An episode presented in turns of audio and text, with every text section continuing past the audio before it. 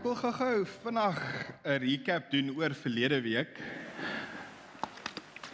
Voor ons uit die tema gaan kyk van leef ongedwonge ritmes van genade van uitrus. So verlede week het ons gepraat van leef ongedwonge ritmes van genade.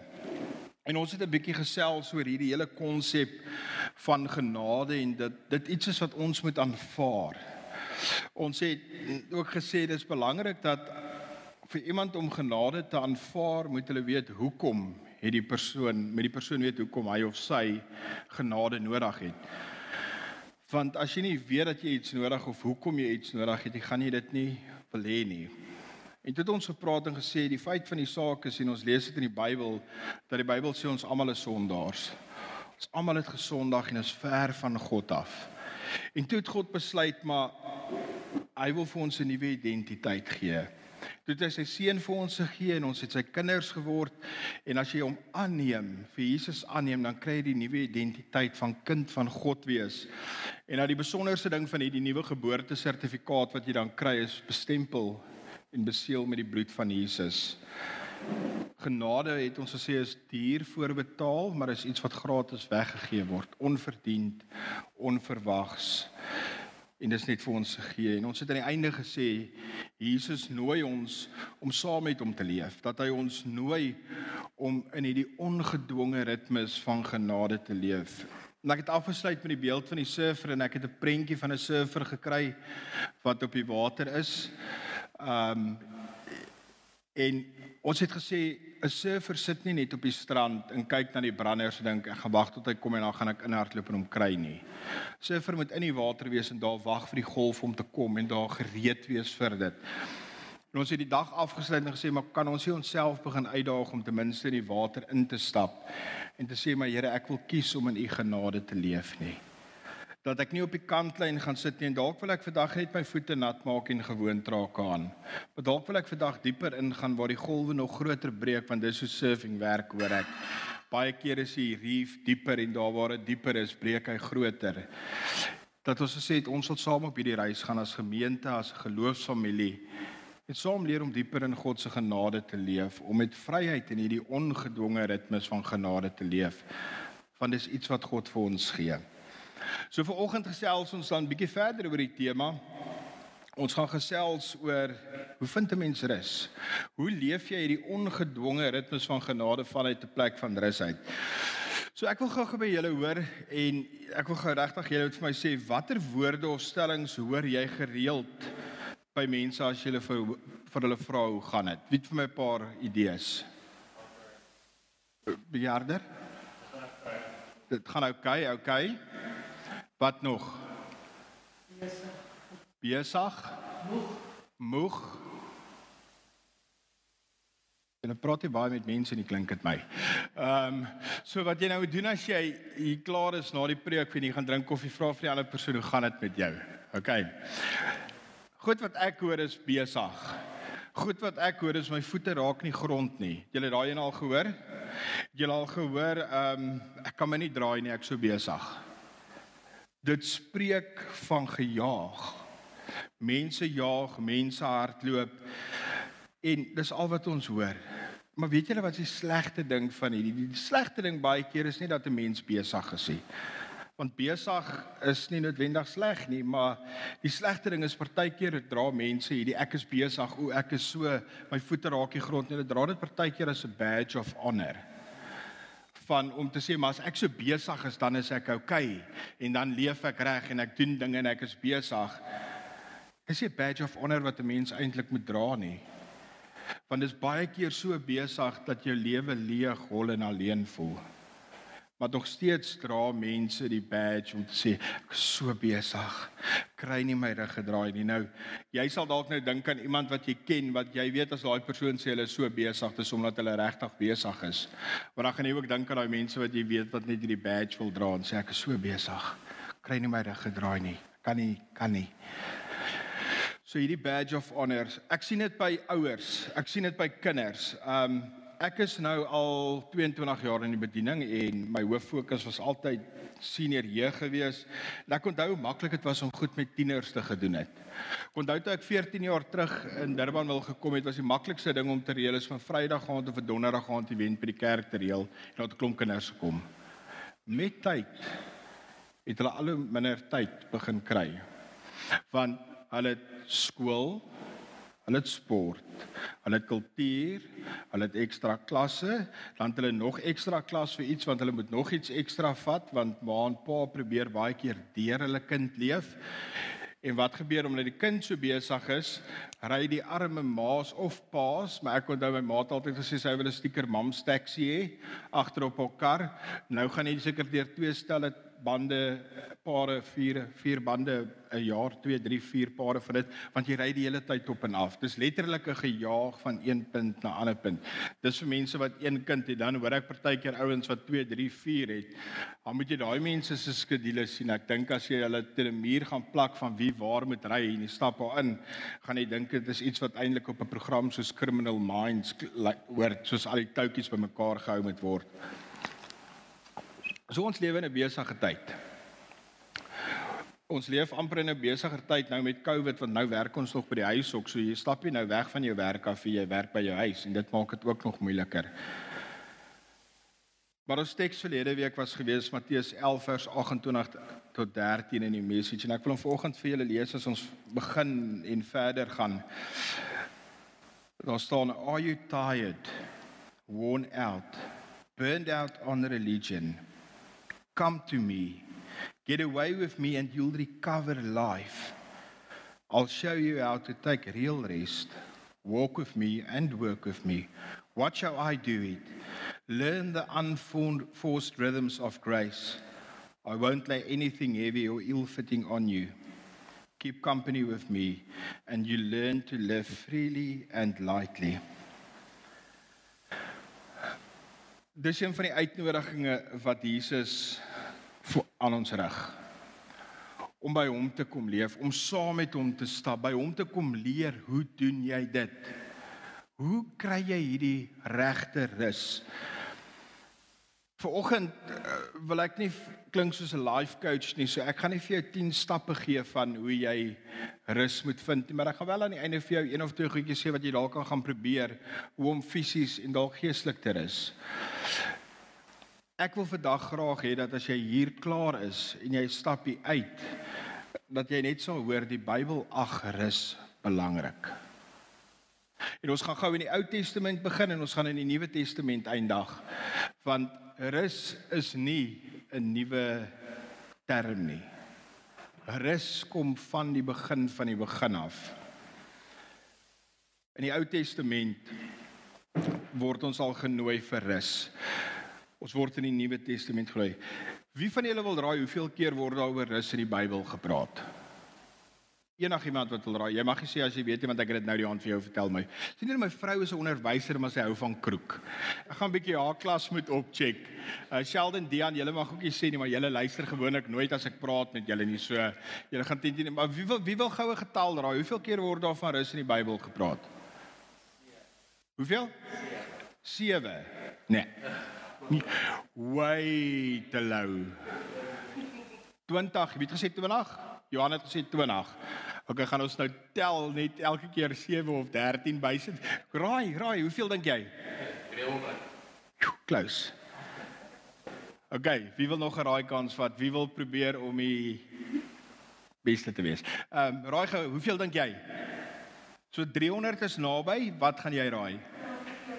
Jo, nog nader.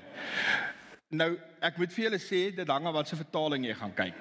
Ehm um, want verskillende vertalings sê baie goed, maar die gemiddelde is omtrent praat hulle in die Bybel 257 keer van rus. Nou, ek dink dis nogal 'n konsep wat dan redelik belangrik is as dit soveel keer in een boek geskryf word as ons dit net as 'n boek sien. So kom ons kyk gou na so 'n paar plekkies waar dit uitkom en ons gaan gou in die Ou Testament begin en dit gaan baie bekend wees vir julle want ek dink dit is van die eerste goed wat jy leer as jy by die sonnaarskool aankom of by die kinderkraans vir ons wat ouer is en dis in Genesis. Genesis 2 vers 1 tot 4 sê God het gerus. Heaven and earth was finished down to its last detail. So God het dit tot die detail klaar gemaak. Beteken hy tot daai muskiet gemaak wat jou party hande so pla, nee, dit was die laaste detail. Tot op die laaste detail. By the seventh day God had finished his work. On the seventh day he rested from all his work. God het van al sy werk gerus. Nou ek ek wil nie God vermenslik nie, maar ek het hierdie beeldjie van God was klaar en hy het op een van daai lekker lazy chairs wat jy voete so uitskop gaan lê en hy het gerus. Hy het nie eers nie CCTV dopgehou van wat op die aarde aangaan nie. Hy het net gerus. Want hy het sy werk gedoen en hy het besluit dis gedoen. En hy het geweet is goed. So God het gerus. So in die heel begin in die tweede hoofstuk van die Bybel in die eerste en vierde vers vertel dit vir ons dat God het gerus nadat hy gedoen het wat ons moet. Gaan ons 'n bietjie verder in die Ou Testament, daar was 'n profeet met die naam Jeremia gewees. En Jeremia het nogal 'n paar was nogal een van daai kwaai profete gewees, partykeer voel ek. Hy het nogal soos 'n baie kwaai goed vir die ouens gesê. Um en Jeremia praat met die stam van Juda spesifiek in die boek en dis amper asof hulle met hierdie teks sê stop. Kyk. Kyk rond, stop and smell the roses. Dis wat ek voel hy vir hulle wil sê en Ja, Jeremia 6 vers 16 sê Jeremia vir hulle This is what the Lord says stop at the crossroad and look around. Ask for the old godly way and walk in it. Let mooi op die woorde die old godly way. Jy het al agtergekom mense wat baie keer dalk meer 'n motivational speaker is vir life coaches probeer rus as hierdie nuwe amazing ding wat die wêreld uitgefigure het aan mense verkoop. Ons het nou hierdie idee, as ons net gaan rus. Jy moet rus, jy moet mindfulness hê. Ehm um, ek weet my Apple Watch het vanoggend ook vir my gesê ek moet mindfulness hê. Sê ek ek sal mindfulness hê later. Maar ons dink al hierdie goed is nuwe idee, maar hier sê Jeremia al in die Ou Testament vir hulle ask for the old and godly way. En dan gaan hy aan sê travel its path and you will find rest for your soul. So hy sê jy gaan by die kruispunt in die lewe kom wat jy moet stop en jy gaan moet dink wat vang ek aan? En dan moet jy nie vra vir wat is nuut nie, jy moet vra vir wat is oud en wat is goddelik. As jy 'n besige lewe is en alles is 'n gejaag en jy voel maar ek haal nie meer asem eers nie, dan moet jy vir jou vra leef jy dalk hierdie godly way van rus? Want God het gerus. So I say you'll find rest for your souls, but you reply, no. That's not the road I want. Lekker harde kop ons. Ek gaan ek gaan deurdruk, ek gaan werk. Julle wat met my gebeur het, ek het deurgedruk en gewerk op 'n stadium in my lewe en sit eindig ek met depressie. En toe sê ek vir myself ek gaan uithou en aanhou tot ek beter voel en toe gaan ek net dieper in depressie.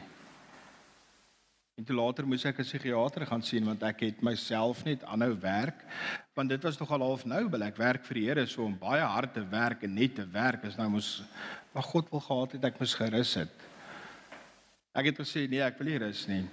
Ek gaan werk en ek gaan doen wat ek moet en ek gaan dit deurdruk.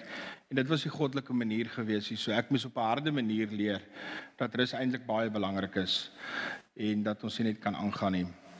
So ek en jy weet dikwels ons moet rus. As jy in die aand op jou bed gaan lê en jy lê jou kop neer. Wonder ek hoeveel keer sien ek ek wens dit ek kon 'n bietjie later môreoggend lê. Ek wens dit ek het 'n bietjie meer tyd gehad om dit te doen dalk saam met my familie en gesin. Ons weet in ons ingebore omdat God ons geskep het is daar hierdie begeerte van rus wat God vir ons gegee het, maar soos die stam van Judas is ons harde kop. Sê nee, ons gaan nie rus nie. Want die wêreld sê jy moet werk. Hoe harder jy werk en hoe besigger jy is, hoe beter.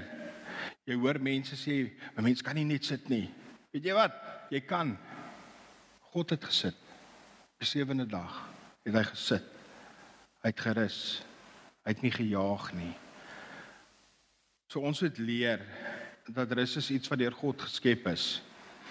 En daar's 'n paar goed in die Bybel wat God vir ons sê ons moet doen. Ons moet ons naaste lief hê. Ehm um, ons moet gehoorsaam wees aan sy wil. Ons moet die Here God lief hê bo ons hele hart en siel en ons hou altyd daai goed aan. God vra dat ons gehoorsaam moet wees aan hom en een van die goed wat ek glo hy vir ons vra is om gehoorsaam te wees. Maak nie saak of al baie goed is om te doen nie. Maak tyd om te rus. Nou kom ons vir die Nuwe Testament want ek weet partykeer dink mense oor die Nuwe Ou Testament is so oud dat dit is nie meer van toepassing om so kom ons kyk bietjie na die Nuwe Testament. En my nuus vanoggend vir jou is die storie oor rus gaan so goed dat ons dit vanoggend by Jesus gaan leer. Matteus 28 sê walk with me learn from me. So as ons verleer oor rus in die hand van die teks wat ons sê die ongedwonge genades vir ons bied, moet ons gaan kyk wat Jesus vir ons dalk gesê en dalk hoe Jesus geleef het. Um in Markus 4 lees ons gaan ons lees dit is waar Jesus met die menigte mense gepraat het en hy storie van die saaier vertel het en hy die storie vertel van die mosterdsaadjie al die gelykenisse vertel en dis die nuwe New Living Translation weergawe daar staan in Markus 4 vers 1 tot 2 once again Jesus began teaching at the lake shore. Ek hou daarvan hulle sê once again. Um, dit was sy rotine, dit was sy program, dit was gewees wat hy gedoen het. En dit is amper soos ons het gesê ja, nee, ek gaan vanoggend alweer dit moet doen. Ek gaan vanoggend weer, dis alweer. So once again het Jesus weer begin leer by die lake shore. A very large crowd soon gathered around him, so he got into a boat. Um then he sat in the boat while all the people remained on the shore. He taught them by telling many stories. Nou as jy dalk enigsins 'n onderwyser is of iemand is wat voor mense moet praat of 'n vergadering gelei het, kan jy nogal agterkom dit maak jou moeg om dalk net 'n gesprek met 10 mense te hê. Partykeer maak dit jou moeg om met sekere mense wat dalk net een is 'n gesprek vir 'n oomblik te hê. Maar dit vat van iemand om met mense te praat. Verhoudings vat iets. Nou het Jesus hierdie duisende mense voor hom en hy sit op die boot en praat met hulle. En in ons kop het ons hierdie perfekte prentjie van Jesus wat alles kon doen sonder slaap, sonder rus, sonder enigiets, net go go go want hy was seun van God. En ja, dis waar hy was seun van God, maar hy was ten volle mens gewees. Ons vergeet baie keer dit. Ons weet dit, maar ons sit dit so half terug, maar maar Jesus sou net wat sou Jesus gedoen het? Hy sou alles ingesit het om die verlorenes te reach. Maar dan lees ons in vers 35 aan die einde na Jesus het met die ouens gepraat het oor die saaitjie en die mosterdsaadjie en die saaier en al daai goeters. Lees ons in vers 35 tot 36. As evening came. So die gevolgtrekking en die afleiding wat maak is Jesus het die hele dag daar gesit en praat met die mense. So ek dink hy was moeg. Jesus said to his disciples, "Let's cross to the other side of the lake." So they took Jesus in the boat and started out leaving the crowds behind, although other boats followed.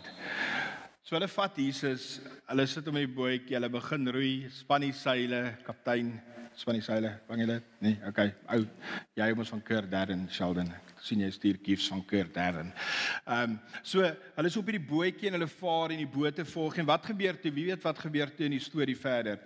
Sheldon, teologie student, sê vir ons wat gebeur toe.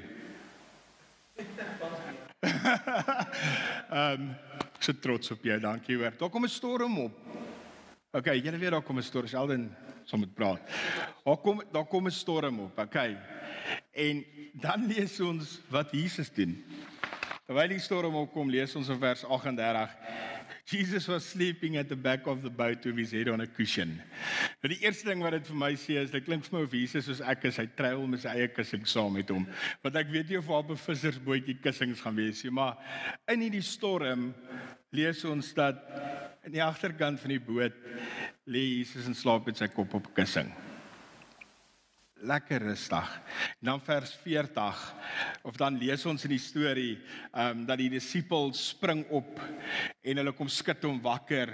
En hulle sê Jesus Jesus ons gaan dood gaan ons gaan sing help ons help ons. En ek het hierdie prentjie in my kop van Jesus wat sê oh, wat ouens. Dis is hy soos deur die blare en hy soos stil storm, man, jy moet stil wees sodat ek kan gaan rus. Uh, en Jesus bedaar die storm. En dan kom ons in vers 40 en dan vra Jesus vir sy disippels, "Why are you afraid? Do you still have no faith?" Nou, hierdie is baie belangrik want hy vra vir hulle Do you still have no faith? En ek wil vir jou vandag bemoedig dat as jy partykeer sukkel om geloof te hê, dis nie sleg van jou nie. Van die disippels wat soos intens saam met Jesus geloop het en first hand gesien het die wonderwerke wat hy doen, sukkel met hulle geloof.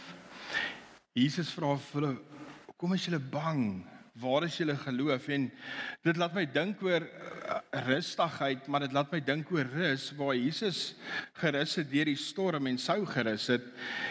Vra ek vir jou vandag en vra ek vir my, rus ons nie want ons het nie meer geloof vandag nie. Rus ons nie want ons dink die toekoms is in ons hande. Rus ons nie want ons wil liewers die toekoms van ons lewe bepaal eerder as wat God die toekoms van ons lewe bepaal nie. En nou is dit belangrik om te onthou, met dit sê ek nie moenie werk nie. Moenie ambisie hê nie. Maar wat is jou hoofambisie in die lewe?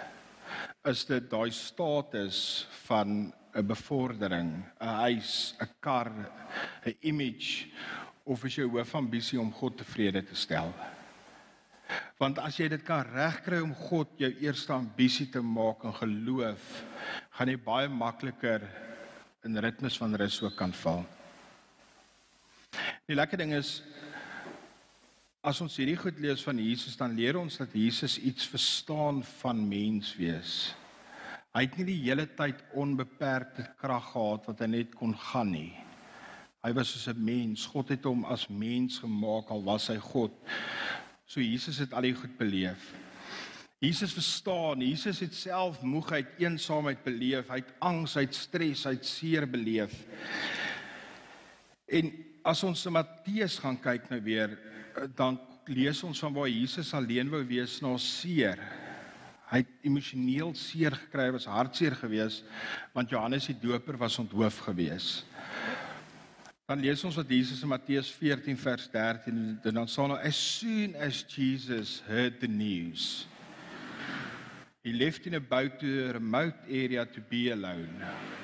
So Jesus hoor van Johannes se storie en Jesus voel wat ons voel pyn en seer.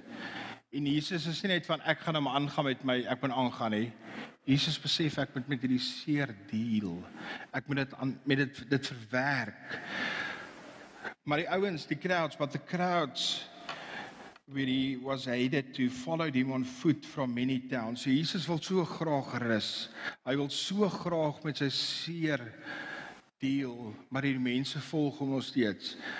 En Jesus besluit dan daar maar ek gaan tog vir hierdie mense bedien nou. Ek het seer, maar ek gaan nog steeds bedien. Dan lees ons die storie van die vyf brode en die visse. So Jesus se disippels is daar, hulle sê vir hom, "Here, ons moet hierdie mense wegstuur, ons het nie kos nie." Jesus sê, "Moenie worry nie, ons gaan 'n plan maak. Kyk wat het ons."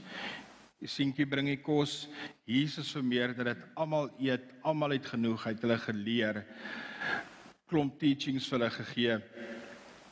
So Jesus het weer 'n lang dag. Nee, nee, die keer het hy geleer nie, maar hy het ook kos vermeerder, so dit moes hom moeg gemaak het. En nou het hy nog hierdie emosionele seer ook aan hom. En dan in Matteus 14 vers 22 lees ons tot 23 wat Jesus dan doen aan die einde van die dag. Immediately after this, die ouens klaar geëet het. Um Jesus insisted that his disciples get back into the boat and cross to the other side of the lake while he sent the people home. So Jesus sê vir die mense, gaan nou huis toe. Ons is klaar vir die dag. Toe hy hulle weggestuur het, after they went home, he went up into the hills by himself to pray. Night fell and he was there alone. So Jesus het tyd nodig om van hierdie seer, hierdie bediening na die seer wat hy beleef het as gevolg van Johannes die Doper se onthoofding en dood, het hy tyd nodig om alleen te wees twee kere wat ons nogal baie bekend in die Bybel ken. Saaier, die mosterdsaadjie en dan weet ons van Jesus in die storm. Maar ons besef nie Jesus het jydelik op daai bootjie geklim omdat hy wou gaan rus het, hy wou 'n bietjie wegkom van mense. Hy was nie paniekerig gewees en gedink as ek nou vir 'n paar uur gaan slaap, gaan hierdie mense hel toe gaan nie. want hy het rustigheid en vrede gehad in sy Vader. Hy het geloof gehad, vertroue gehad dat God hou sy toekoms. God hou die toekoms van die mense wie hy nou net bedien het en nog moet bedien in sy hande vas. 'n Ander bekende storie wat ons nou na gekyk het is die vyf brode en twee visse. Veel keer het ons daai storie nie as kind gehoor nie. En dan dink ons dit gaan net oor die Bybel wat vir ons hier wil sê van Jesus kan enigiets doen en dis ja, hy kan, hy kan brood en vis vermeerder. Maar weet jy, hy kan so enigiets doen dat hy tot kan rus ook. Dat hy vir mense kan sê, maar weet julle, ek is nou klaar vir die dag. Ek gaan nou rus. Jesus verstaan moeg wees. Jesus verstaan angs, hy verstaan stres. En daarom nooi Jesus jou ook na rus toe. So om ongedwonge ritmes van genade te leef, is dit nodig om rus daar te sit.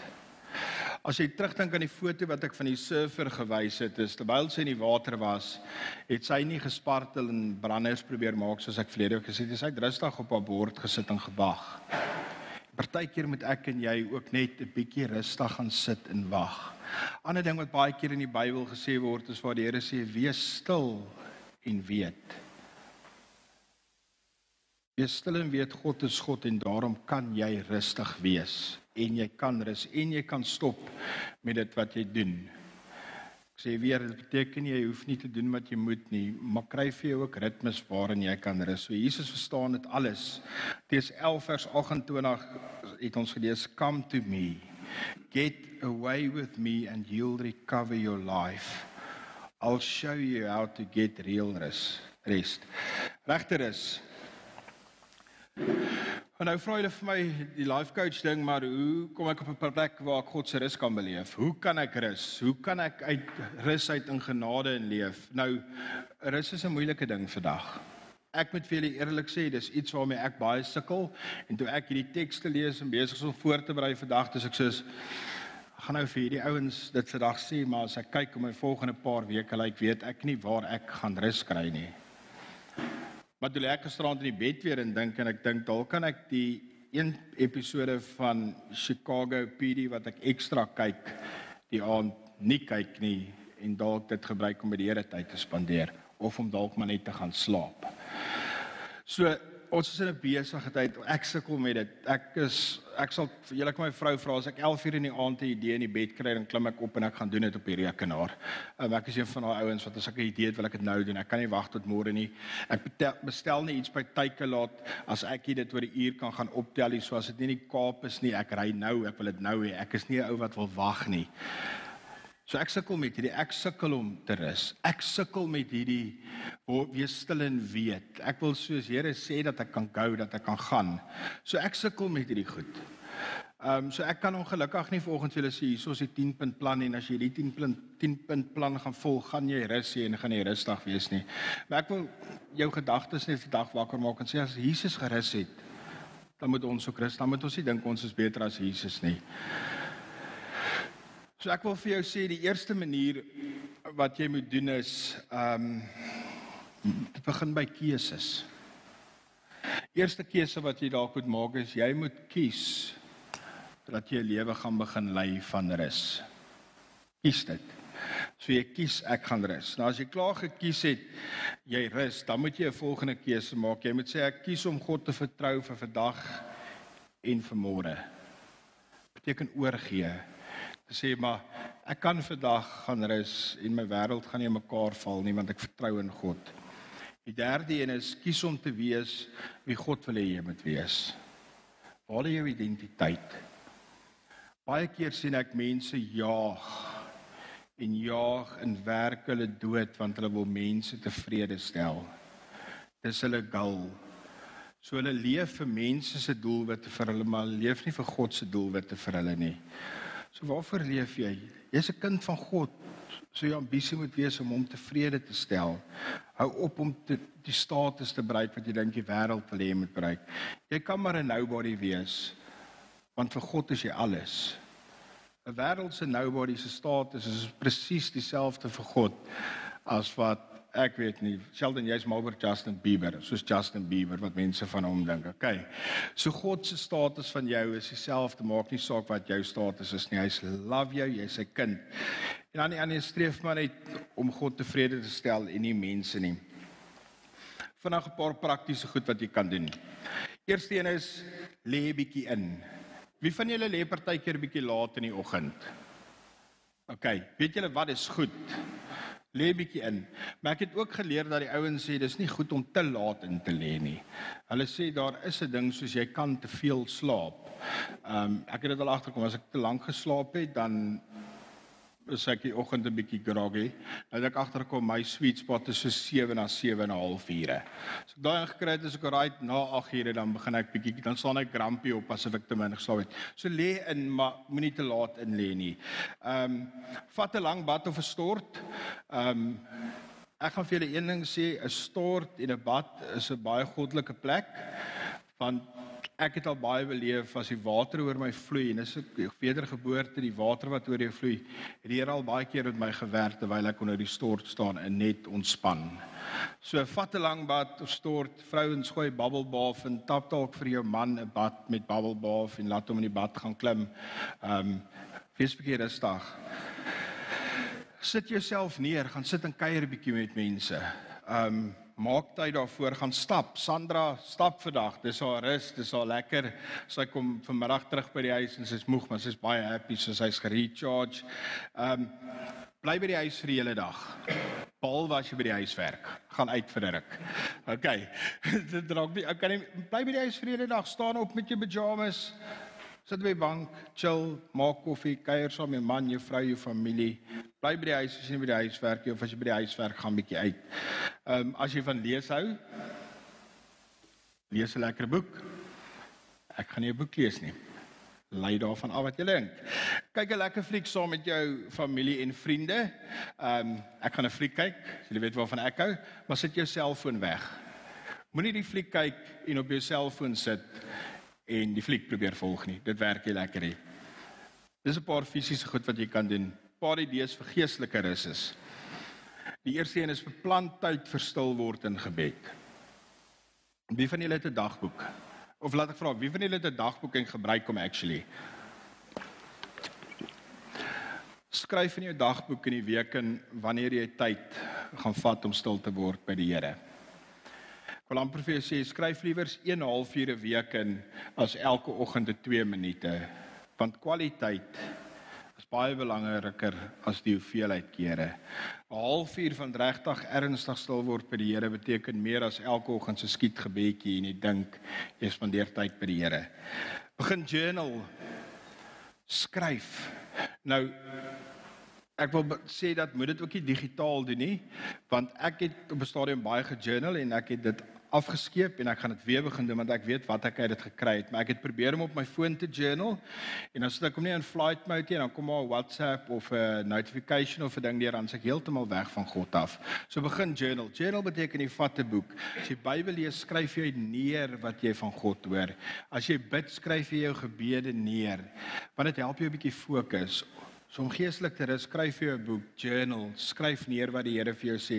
Die lekker ding van die journal is jy kry rus, maar jy kan 'n paar jaar terug gaan partykeer en dan kan jy kyk, "Jesus, ek het 2 jaar terug vir hierdie ding gebid en kyk vandag het God hierdie laat waar word in my lewe." So journal, skryf jou gebede en goed neer. Doen Bybelstudie oor iets waarvan jy geestelik hou. Ehm um, as jy dalk graag meer oor Openbaring wil lees, leer, kry vir jou 'n boek fisies iPad, YouTube het doen 'n bietjie Bybelstudie navorsing oor iets wat jy baie belangstel. As ek nou byvoorbeeld sou kies vir wie ek sal verder studie, sal dit ou wees as Paulus. Ek is mal oor Paulus, so ek sal alles van hom lees en leer in YouTube en alles. Ehm um, die ander een is sit jou oorfone op en luister worship musiek. Nou die lekker ding is dis nie soos in die ou dae wat jy 'n CD moes gaan koop of op die radio sit en 'n knoppie druk om te rekord en dan vinnig knoppie druk nie om te stop voor die advertensie kom nie. Jy kan dit stream. Daar's ek wil amper sê miljoene worship songs op YouTube. iPad kan jy Spotify, Apple, Spotify. Ehm um, ons het tot 'n worship playlist vir Granendal op Spotify en op um Apple musiek wat ons goed bysit soos ons dit hier sing en wat ons nog hier gaan sing. Um jy gaan gewoonlik op 'n Saterdagmiddag se kant behoort jy die setlist wat die band die oggend sing in 'n YouTube playlist op ons Facebook page te kry sodat jy dit kan luister. Sit jou oorfone op, luister worship. En as daar niemand is, sing. Sing so hard as wat jy kan en loof die Here. So worship is 'n ontsettende manier hoe baie mense ontspan. Dit is waar ek baie ontspanning kry. Ek het baie omtrent altyd worship musiek aan as ek musiek luister. Want spandeer tyd saam met ander gelowiges. Mooi. Julle almal doen dit vandag. Spandeer tyd saam met ander gelowiges. Die ander een is ook spandeer tyd saam met ongelowiges. Ehm um, ek gaan nou vra maar wat beteken dit? Nee, beteken net hang saam met jou ongelowige vriende ook uit want Jesus het ons gestuur. Een van die ambisies wat hy ook vir ons gegee het is om vir almal van hom te vertel. So maak seker jy spandeer tyd saam met jou ongelowige vriende op. Die ander een is getuig, praat oor jou geloof. Jy sal verbaas wees as iemand vertel het van iets wat die Here in jou lewe gedoen het, hoeveel energie jy terugkry daai uit van getuig. En dan die laaste een is maar net wees stil, bly by God. Ek maak klaar, ek wil vir jou vra Christel, terwyl ek hierdie sê kan jy so lank vorentoe kom vir jou lied wat ek wil hê vir ons moet speel is. Ek wil vir jou vandag vra het jy het jy bietjie grip op jou lewe verloor?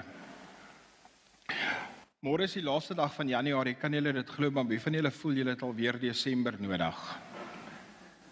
Baie van ons voel ons het alweer Desember nodig. Ek wil vir jou vra hoe eindig jy gewoonlik jou jaar? Hoe voel jy as Desember aanbreek? Dankbaar, rustig, of doodmoeg, uitgebrand en gatvol? Wat voel jy? Dis hoe jy voel. Ek wil vir jou uitdaging vra, wil jy nie hierdie jaar probeer om anders af te sluit nie? Wil jy nie hierdie jaar probeer om te sê maar as ek regtig in hierdie ongedwonge ritmes van God se genade wil leef, gaan dit nodig wees dat ek moet rus sodat ek ook kan sien wanneer hierdie genade my kant toe kom. Here, dankie vir hierdie uitnodiging wat U vir ons gee in Matteus 11 Here dat U ons nooi om saam met U die lewe te kom doen en dat U ons nooi om by U te kom rus vind Here. My gebed vir elkeen vanoggend Here wat hier is dat hulle vanoggend dit wat hulle moeg maak voor U voete sal neerlê Here. Dat U hulle rus vir hulle siele sal gee en dat U hulle genade sal dit beleef wat ons uit rus kan ontvang om in u teenwoordigheid te wees, Here. Mag u genade, Here, ons omvou. Mag dit ons lei na 'n plek waar ons ware rus in u kan vind. Amen.